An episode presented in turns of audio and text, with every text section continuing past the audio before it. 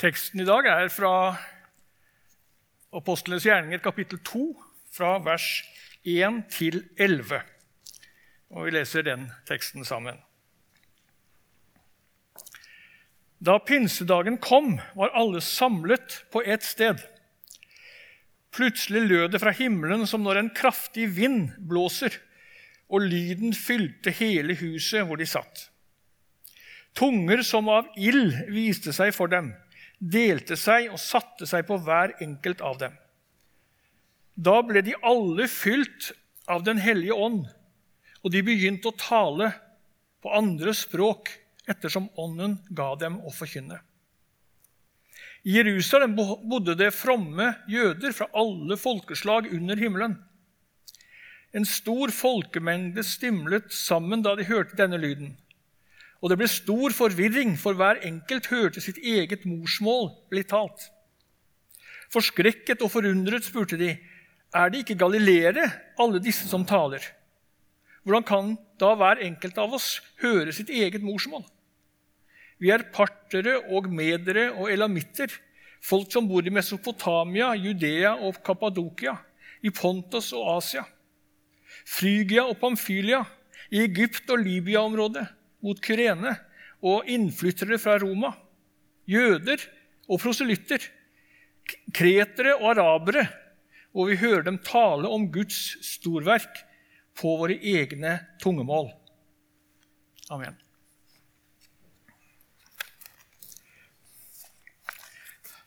Jeg så dette programmet som heter Huskestue. En eh, spørrekonkurranse, og der var et av spørsmålene Hvorfor feirer vi pinse? Og Det er et sånt spørsmål som går igjen hver pinse. For det er så veldig morsomt å høre at folk ikke vet hva det betyr. Og de svarte da, det ene av dem, eh, som hadde tydeligvis litt feiling, men ikke så veldig mye Jeg tror det var eh, da eh, Helligånd avsluttet sin gjerning, var svaret. Ja, det var jo noe med Den hellige ånd, det var riktig. Men det at han avsluttet sin gjerning, det var jo helt feil. For pinse det er en ny begynnelse. Faktisk er alle våre høytids, høytider en begynnelseshøytid. Julen er begynnelsen på Jesu jordiske liv. Påsken er begynnelsen på oppstandelseslivet. Og pinsen er begynnelsen på menighetens liv, misjonens gjerning og Den hellige ånds gjerning i menigheten og i den enkelte. Så vi står overfor en begynnelse i dag. Og det ordet også, 'begynne', det er brukt ofte i Bibelen. For eksempel, det står her De ble alle fylt av Den hellige ånd, og de begynte å tale. Så tanken om en begynnelse finnes i selve teksten. Men jeg har lyst til å begynne et litt annet sted enn i teksten selv. Jeg vil gå litt fram i det samme kapittelet, i kapittel 2, for å sette vår tekst inn i en, si, en større sammenheng. For denne teksten har jo ofte blitt misforstått, og den er jo nokså kontroversiell, vet vi. Eh, så jeg har lyst til å sette det inn i en større sammenheng og se hva Åndens gave, å bli fylt av Ånden, når Ånden blir gitt, hva det egentlig innebærer. Og jeg vil reise det si, grunnleggende spørsmålet som pinsen aktualiserer, nemlig hvordan blir en en kristen? Hvordan kommer jeg i et rett forhold til Gud? Når jeg ikke lenger kan følge den jordiske Jesus som disiplene hadde gjort, når de skulle vinne verden for Jesus så reiser spørsmålet seg selvfølgelig hvordan blir man en disippel? Nå, når Jesus har gått bort, hvordan kan man leve som en kristen?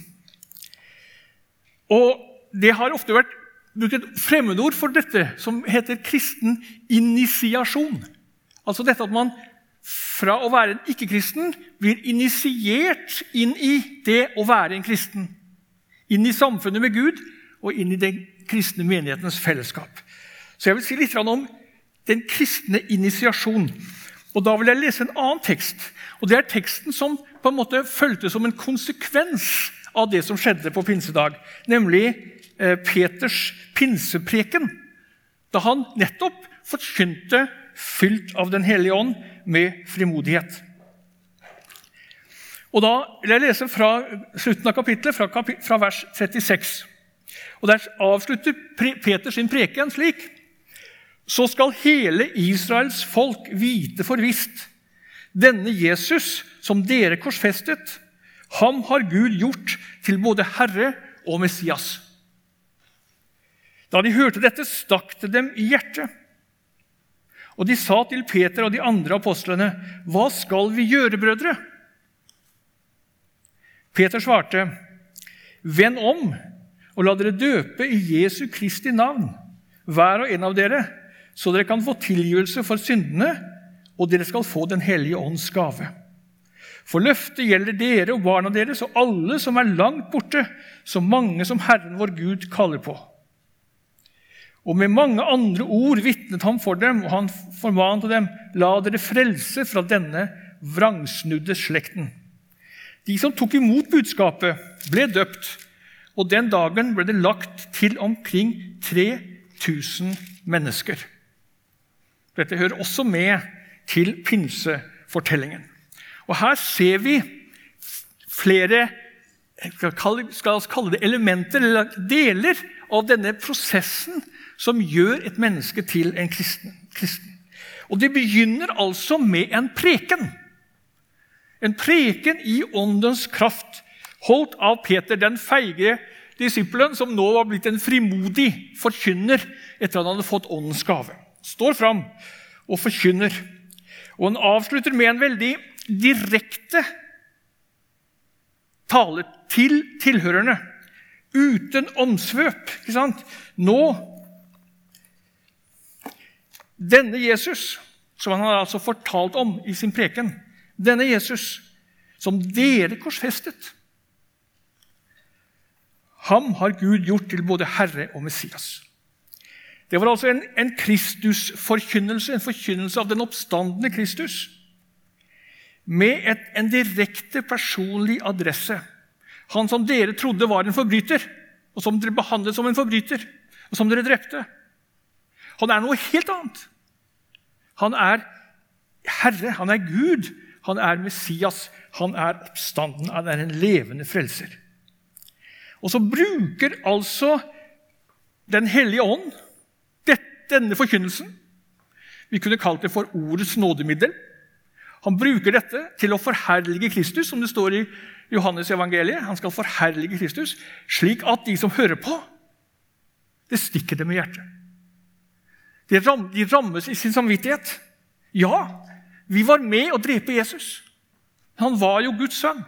Han var jo Herren, Frelseren, Messias. Og det er også Den hellige ånds gjerning. Det står at Ånden skal overbevise om synd. Og hva er synden som Ånden overbeviser om først og fremst? Jo, at de ikke tror på meg. Det er grunnsynden. At vi ikke tror på Gud, at vi ikke tror på Jesus Kristus. Og Det er denne synd som Ånden overbeviser om. Så mennesker kommer i syndenød.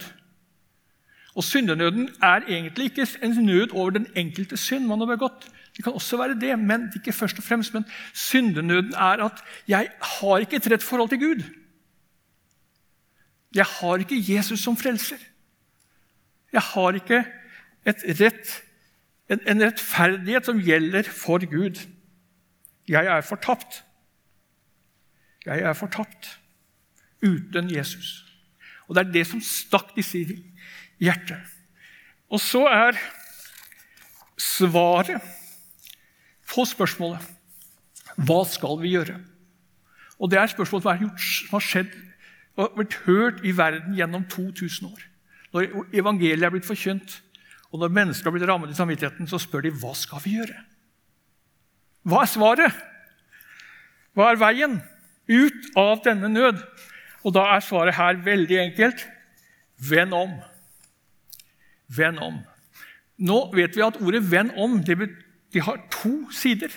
Det ene er å vende seg fra synden, fra vantroen, Og så den andre siden er å vende seg til Jesus i tro. Så overalt hvor ordet omvendelse er brukt i Bibelen, så inneholder det både en forsakelse, en, vending fra, en bekjennelse av synd, og en vending til Jesus. Så Jeg kan godt tatt mange eksempler, men du kan gå gjennom Bibelen. og Av og til står det omvendelse, av og til står det tro. Det er samme sak.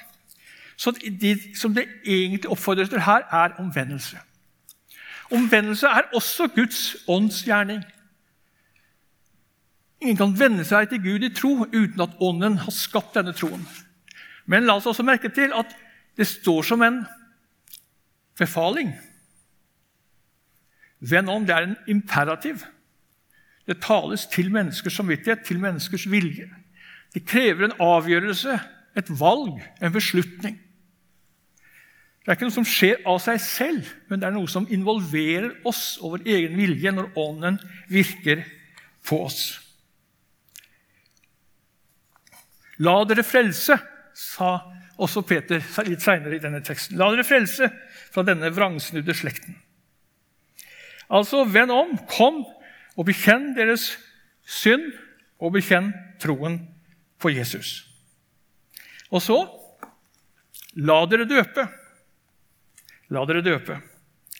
Og Her tales det da om dåpen i vann, den kristne dåpen, som til forskjell fra Johannesdåpen, som også var en omvendelsesdåp til syndenes forlatelse, er en dåp i Jesu navn og en dåp som bringer Den hellige ånd. Det er de to nye tingene i forhold til Johannesdåpen.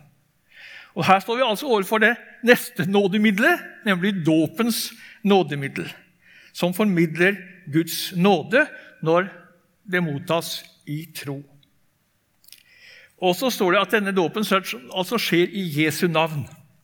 Og Her har vi altså det helt nye synet på Jesus. Nå er han det navnet en blir døpt til, slik at en gjennom dåpen får tilhørighet, samfunn med Jesus, som det står i kapittel 6 i Rombrevet. Vi er forent med ham ved døden, og vi er forent med ham i hans oppstandelse. Så dåpen forener med Jesus Kristus når vi døpes i hans navn. Og så fører det til tilgivelse for syndene. For kan, En kan ikke komme inn i et rett forhold til Gud uten at syndene blir tilgitt. For Det er de som skiller oss fra Gud. Det er de som gjør at Guds dom rammer oss. Så tilgivelse for synd, rettferdiggjørelse kunne vi også kalt det, er helt grunnleggende for å komme inn i et rett forhold til Gud. Ja vel, så kunne vi da stoppet der. Og ingen hadde reagert hvis teksten hadde stoppet der, tror jeg. I hvert fall ikke i dag. Men det er altså et, en setning til. Og dere skal få Den hellige ånds gave. Ja, det er altså et løfte her i denne teksten. Og løfte, Det løftet det dreier seg om den samme gaven som disiplene hadde fått, som vi leste om i begynnelsen av kapittelet. Nemlig at de blir fylt med Den hellige ånd. Det er det det er snakk om. Det er den gaven som Peter her snakker om. Det er Den hellige ånd som gave. Det er ikke Den hellige ånds gaver, altså nådegavene, men det er Den hellige ånd selv som gave. Det at Ånden selv blir gitt. Og Det er altså ingen andre betingelser for det enn nettopp de tingene vi har nå nevnt. Forkynnelsen av evangeliet, erkjennelsen av vår fortapthet i oss selv, troen, og omvendelsen, dåpen til syndenes forlatelse i Jesu navn. Det er det som er forutsetningen for å motta dette løftet, nemlig Den hellige ånd.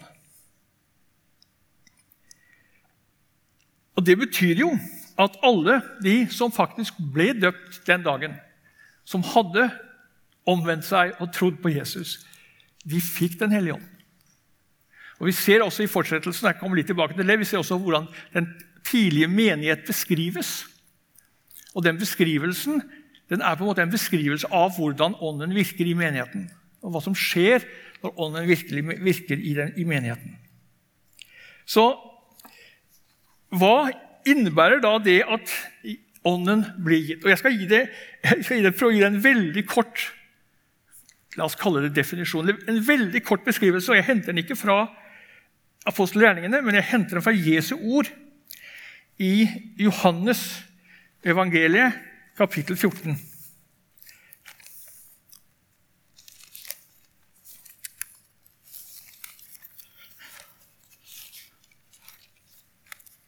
Ja, jeg må bla litt her nå.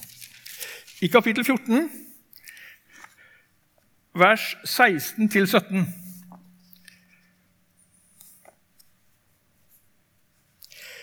Der sier Jesus, 'Jeg vil be min far, og han skal gi dere en annen talsmann' 'som skal være hos dere for alltid.'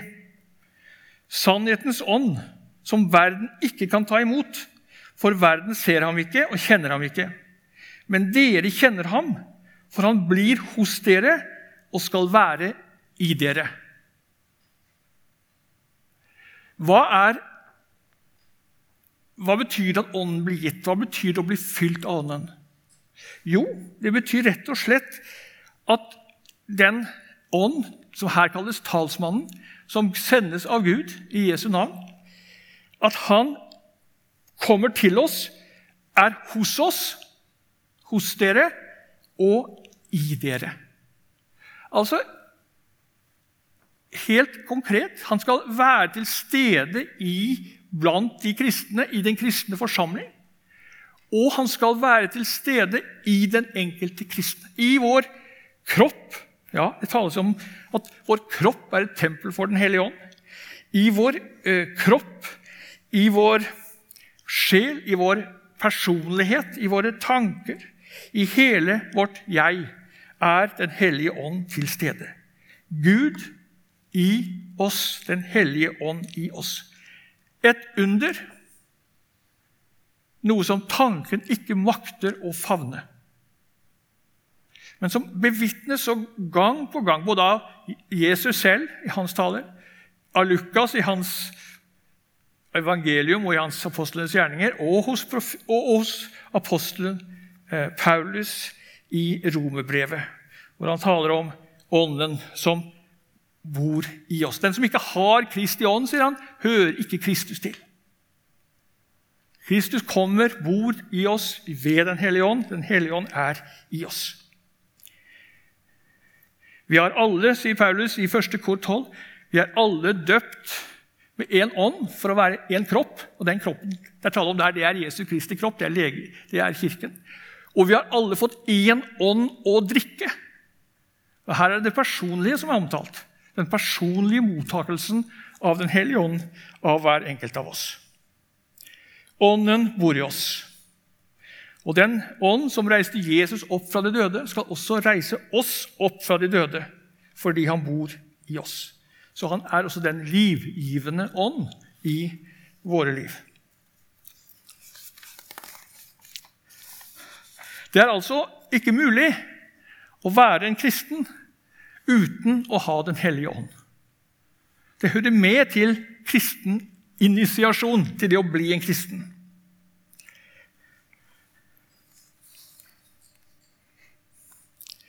Hva gjør så Den hellige ånd når han bor i oss? Og når han bor i menigheten, hva gjør han? Det står at vi skal kjenne ham. Verden kjenner ham ikke, står det, sier Jesus. Verden kjenner ham ikke. Og jeg må jo si, når jeg, bare når jeg gikk ned her i dag morges fra der vi bor oppe på Frogner, og hit ned og jeg, Det var ikke veldig mange mennesker å se, men jeg tror ikke noen kanskje noen av de jeg så, kjente Den hellige ånd, som jeg skulle preke om her i Misjonssalen i dag. Jeg følte en sorg ved det. Tenk at vi kan leve i et land som har hatt en kristen forkynnelse i 1000 år, og så er det så få, så få som kjenner Den hellige ånd. Det er noe som, som, som gjør meg sorg, og som jeg tror er grunn til sorg for oss. At ikke vi har nådd lenger ut med evangeliet, så flere har blitt kjent både med Jesus og med Den hellige ånd. Men dere kjenner ham, står det. Dere kjenner ham. Disiplene var få, de var 120 kanskje samlet på pinsedag. Og de var enda færre tidligere, da Jesus kom og var midt iblant dem. Så de var få, men de kjente Ånden. Og De var kjent av Ånden, og de gikk ut i misjon. Og hvis vi ser på det store perspektivet, og ikke tenker så, kanskje så snevert som jeg kanskje gjorde da jeg gikk nedover her i dag morges, og tenker på de millioner, kanskje milliarder av mennesker som faktisk kjenner Den hellige ånd. Som jeg møtte det i Etiopia, som jeg møtte i andre steder hvor, hvor menneskemengdene tar imot Jesus og opplever Den hellige ånd i sine liv. Det forvandlende kraft i sitt liv. Så vi skal ikke være pessimister, men vi kan også føle en sorg over at så få kjenner Ånden. Men vi skal kjenne Ånden, vi skal vite at vi har den, og hvem Han er. Og hvordan kjenner vi Ånden? Da jeg var i Amerika og studerte dette med Den hellige ånd Jeg var, fikk det privilegiet med å være der i tre år og skrive en avhandling om det. Så intervjuet jeg mange mennesker, og jeg leste også veldig mange vitnesbyrd fra mennesker som fortalte om hva Ånden hadde gjort i deres liv. Og det som gikk igjen og Jeg bare nevner opp noen få ting her som er, en hovedsak. Det første var at Den hellige ånd ga et, et nytt forhold, eller en, en fornyet forhold, til Gud som far. En opplevde Guds kjærlighet. At vi er Guds barn. At vi har barnekår. Som det står i Romerne 8,15, at vi, vi, har fått Ånden som roper 'Abba, far'. Og Her bruker altså Paulus et, et hebraisk ord. 'Abba, far'. Og jeg tror Han gjør det fordi at dette er på en måte et rop som blir hørt i menighetene. Et spontant rop. Også i de gresktalende menighetene så ropte, Gud, ropte mennesker 'Abba, far'. Fordi Abba er et, nettopp det hebraiske ordet for, for far. Og Dette er altså noe som er så forskjellig fra alle andre religioner. Dette at den høyeste, allmektige Gud også er vår far, slik som vi bekjente i vår trosbekjennelse ved begynnelsen av møtet i dag. Vi har arv. Vi er Guds barn og har arven eh, som Gud har lovt oss, og som Jesus har fortjent til oss gjennom sin lidelse, død og oppstandelse. Og så er Ånden da den som gir oss frelsesvissheten. Han omtales som et seil, som en pant, som en førstegrøde. Alle de tre ordene er på en måte bilder på en slags garanti. Fordi vi har noe her og nå, nemlig Ånden, så vet vi at vi har noe der oppe, nemlig det evige liv. Fordi vi er nyskapt ved Ånden her, så vet vi at det også skal skje en nyskapelse der framme. For, for, den totale seier skal, skal vinnes over det. Guds rike kommer i fullkommen kraft. Så Ånden er en pant. Det er et forskudd, så å si, på det vi har i vente. For det andre fortalte de som vitnet om at gjennom Ånden så får vi et nytt forhold til Jesus, et fornyet forhold til Jesus. Nemlig som Herre, som den levende Herre. Ikke bare som en fortidig person, men som en, en, en, en guddommelig Herre som lever her og nå, og som vi kan ha en personlig relasjon til. Dette er ikke nytt. Jeg tror vi alle sammen kjenner dette. Men det, men det, er altså en fornyelse av dette, at Ånden stadig på nytt minner oss om dette. At Jesus lever. Jesus lever, som vi også har hørt i sang her i dag. Ingen kan si at Jesus er Herre uten i Den hellige ånd. Det er selve kriteriet på, på Ånden, det er at man sier Jesus er Herre. Og Samme i 1. Johannes 4,2. Det er den som bekjenner Jesus, som kom, er kommet i kjøtt og blod, altså inkarnasjonen, at Gud ble menneske, det er den som har Ånden. Det er det som er tegnet på Ånden. Og så, For det tredje også en erfaring av Den hellige ånd selv, av Den hellige ånds kraft. Dere skal få kraft fra det høye, sa Jesus ifølge Lukas 24. I, det samme sier han i, i, i apostelgjerningene 1,8.: Dere skal få kraft når Den hellige ånd kommer over dere. Det skal være mine vitner. Kraft til vitnetjeneste. Og Det har jo vært et sånn hovedpunkt, spesielt innenfor pinsebevegelsen, når man skal forstå åndens dåp. Og det, det, er, det, er, en veldig viktig og sentral del av åndens gjerning. Det er ikke hele åndens gjerning, vi har sett, sett for andre ting også nå, men det er en viktig del. Og det er ikke tilfeldig at nettopp når de får Den hellige ånd og blir fylt med Den hellige ånd, så blir disiplene utrolig frimodige. Det er et gresk ord her som heter paresia, som er vanskelig å oversette. Men det, er en slags blanding av frimodighet og mot. Hvis det skjer at det er altså mot til å stå i forfølgelse, til å stå i motstand uten å vike. Vi kan ikke la være å forkynne om det vi har hørt og sett, sa apostlene. Vi kunne ikke la være. Det var en, en tvang og en trang til å forkynne. Kristi kjærlighet tvinger oss, sa, sa Paulus. Det er denne, denne tvangen eller trangen som gir frimodighet og mot til å forkynne evangeliet som er gitt av Den hellige ånd. Det står om flere ganger at de ble fylt med Den hellige ånd og talte Guds ord med frimodighet. De vitner om Jesus sammen med Jesus. Det er interessant, for det står at Ånden skal vitne, og vi skal vitne. Det er et slags samarbeid mellom Den hellige ånd og oss. Det høres rart ut, men sånn er det. Og vi skal få lov til, når vi vitner, når vi forkynner, og tro at Den hellige ånd vitner sammen med oss.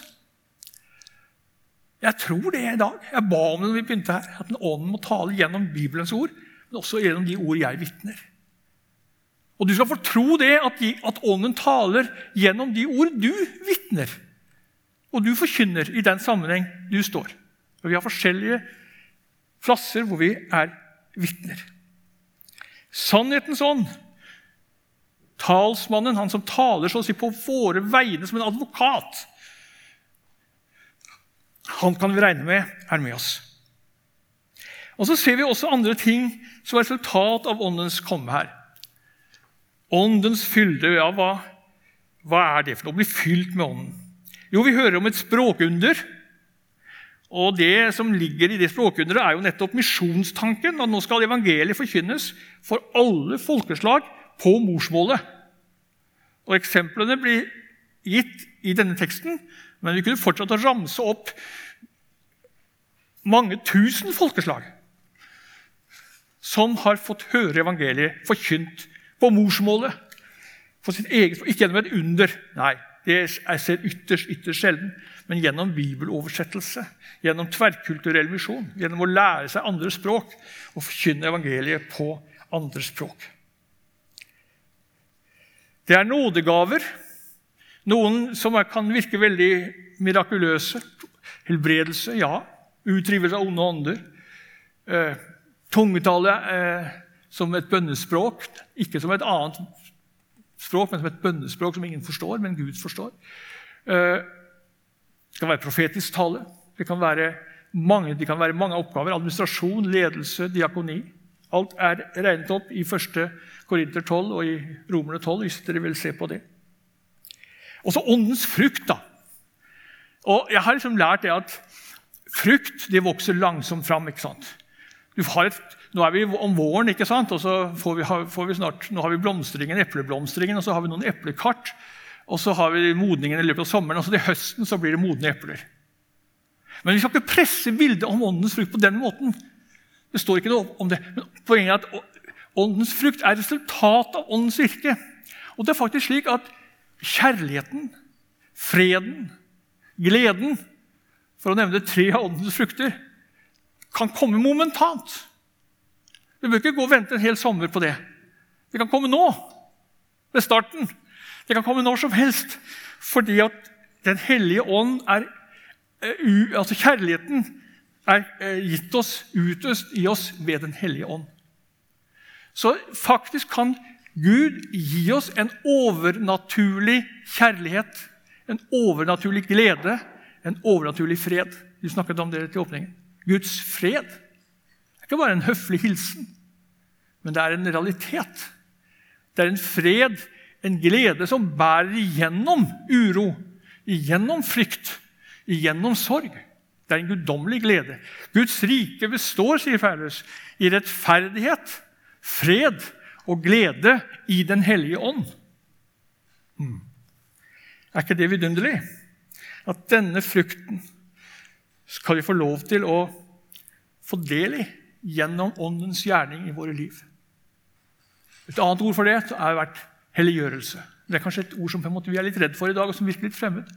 Men Åndens frukt, som Han skaper i våre liv når vi åpner oss for Ånden, det er noe vi kan få lov til å erfare. Kamp mot synden ja, det nevnes også i romerbrevet. Bønn. Vi får Ånden ved bønnen, og vi, Ånden fører til bønn. Jeg kunne tenke meg å bare nevne den korte beskrivelsen av den første menigheten. Nå skal jeg ikke holde på så mye lenger, men jeg skal si litt til det som er beskrivelsen av den første menigheten. For jeg syns den sier også så veldig mye om hva Ånden fører til. Og, er, på, og Vi er altså nå i samme kapittel, kapittel 2. Det er et fantastisk kapittel. Og Nå står det da om disse, denne menigheten da, som nå eh, hadde fått 3000 nye medlemmer. Ikke sant? Hva som skjer nå i menigheten i Jerusalem? Jo, de holdt seg trofast til apostlenes lære Kanskje vi kunne si Bibelen. Dere kjenner til fire b-er. Fellesskapet, brorskapet, men nå burde vi kanskje kalle det søsken, søskenskapet heller. Fellesskapet, brødsbrytelsen, nattværen og bønnene. Ja. Dette er fire kjennetegn på den kristne menighet fylt av Den hellige ånd, der Den hellige ånd virker. Hver og en blir grepet av ærefrykt og mange under og tegn ble gjort av apostlene. Ja, Kanskje jeg kan stå der som en utfordring, at vi skal altså tro på at Gud gjør under og tegn i vår tid. Alle de troende holdt sammen og hadde alt felles. De solgte eiendommene sine og det de ellers eide, og de delte ut til alle ettersom hver enkelt trengte det. Ja, Jeg vet ikke om vi skal følge akkurat den eh, oppskriften og selge alt vi eier, men poenget her er broder- eller søskenkjærligheten Omsorgen for de nødlidende og de fattige. Diakonien vokser fram også av ånden og av kjærligheten. Hver dag holdt de trofast sammen på tempelplassen og hjemmene, brøt i brødet og spiste sammen med oppriktig og hjertelig glede. De sang og lovpriste Gud og var godt likt av hele folket, og hver dag la Herren til nye som lot seg frelse. Så det var kirkevekst i menigheten og lovsang og lovprisning. Og det, det, er interessant, at en av, en av, de tekstene som faktisk oppfordrer oss til å bli fylt av Ånden, den som står i Efeserne 5, der står det at Bli fylt av Ånden, og syng sammen. La salmer, hymner og åndelige sanger lyde.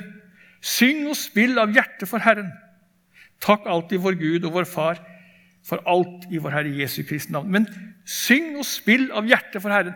Sang og musikk, sang og, og, og, og lovprisning har fulgt Den kristne kirke fra pinsedager av helt til nå. Og hører med i gudstjenesten. Og Vi har opplevd det her i dag, vi opplever det hver gudstjeneste. Og Det er noe som er en del også av åndens frukt, av åndens gjerning. Å skape denne lovsang til Gud, hvor vi bruker den ut, vidunderlige gaven som heter musikalitet og kreativitet. Så det er flott å lage nye sanger til hver gudstjeneste. Det gjorde de i Etiopia også. De lagde nye sanger til hver gudstjeneste, og korene sang dem med stor glede og frimodighet. Ja, helt til slutt, mine venner Hvordan får vi del i alt dette? Jeg har allerede snakket om det. Vi får del, vi får del i det når vi kommer til tro. Men så er det sånn vet dere, at vi som er døpt som barn, vi husker jo ikke at vi hørte evangeliet forkynt når vi ble døpt. Vi husker ikke at vi vendte om når vi ble døpt. Vi husker ikke at selve dåpshandlingen. Jeg ble døpt den 7. november 1943. Jeg husker det ikke. Men jeg tror Gud gjorde noe med meg da. Men det jeg vet, var at da jeg vokste opp, så hørte jeg forkynnelse, så hørte jeg vitnesbyrd, så leste jeg i Bibelen, så ba jeg til Gud. Så fikk jeg være med i de helliges forsamling. Og så fikk jeg en bevisst tro. Jeg hørte evangeliet. Jeg fikk lov til å vende meg om til Jesus igjen og igjen. Jeg fikk bekjenne min synd. Jeg fikk ta imot synstilgivelsen. Og Sånn er det også med Den hellige ånds gave. Noen, noen, noen behandler den som den skulle være en lagergjenstand. Liksom, jeg, jeg, fikk den da jeg ble døpt, og så kan den liksom bare være der. Jeg har den. Det er ikke noe å bry seg om. Men sånn er det ikke med det kristne livet. Vi har ting ved å få det på nytt. Det er stadig nye begynnelser, det er stadig at Gud gir oss på nytt. Han levendegjør det. Derfor hører vi det samme ordet om og om igjen. Og det, er, det blir nytt for oss. Og slik også med forkynnelsen av Den hellige ånd. Så det er lov å be om Den hellige ånd på nytt. Det er lov å be om å bli fylt av Ånden. Og for noen som kanskje har falt bort ifra dåpen og falt bort ifra troen, så kan også troen ledsages av en helt spesiell åndserfaring eh, nå. Men også for oss som er døpt som barn, så skal ånden, og kan ånden være en erfaring i våre liv. Vi skal kjenne ham, og vi blir kjent med ham akkurat som vi blir kjent med alle andre sider ved Guds ord. Helt til slutt. Jesus sier det er til det beste for dere at jeg går bort, for går jeg ikke bort, så, får, så kommer ikke Ånden. Men han kommer til oss. Så stor, så verdifull er Åndens gave at det faktisk var til beste for oss at Jesus gikk bort, for at Ånden skulle få komme. Og så er Gud, Ånden, til stede hos oss, og så er Jesus til stede hos oss i Ånden. Og Så skal vi få lov til å be og ta imot Åndens gave på nytt i dag og hver dag framover. Amen.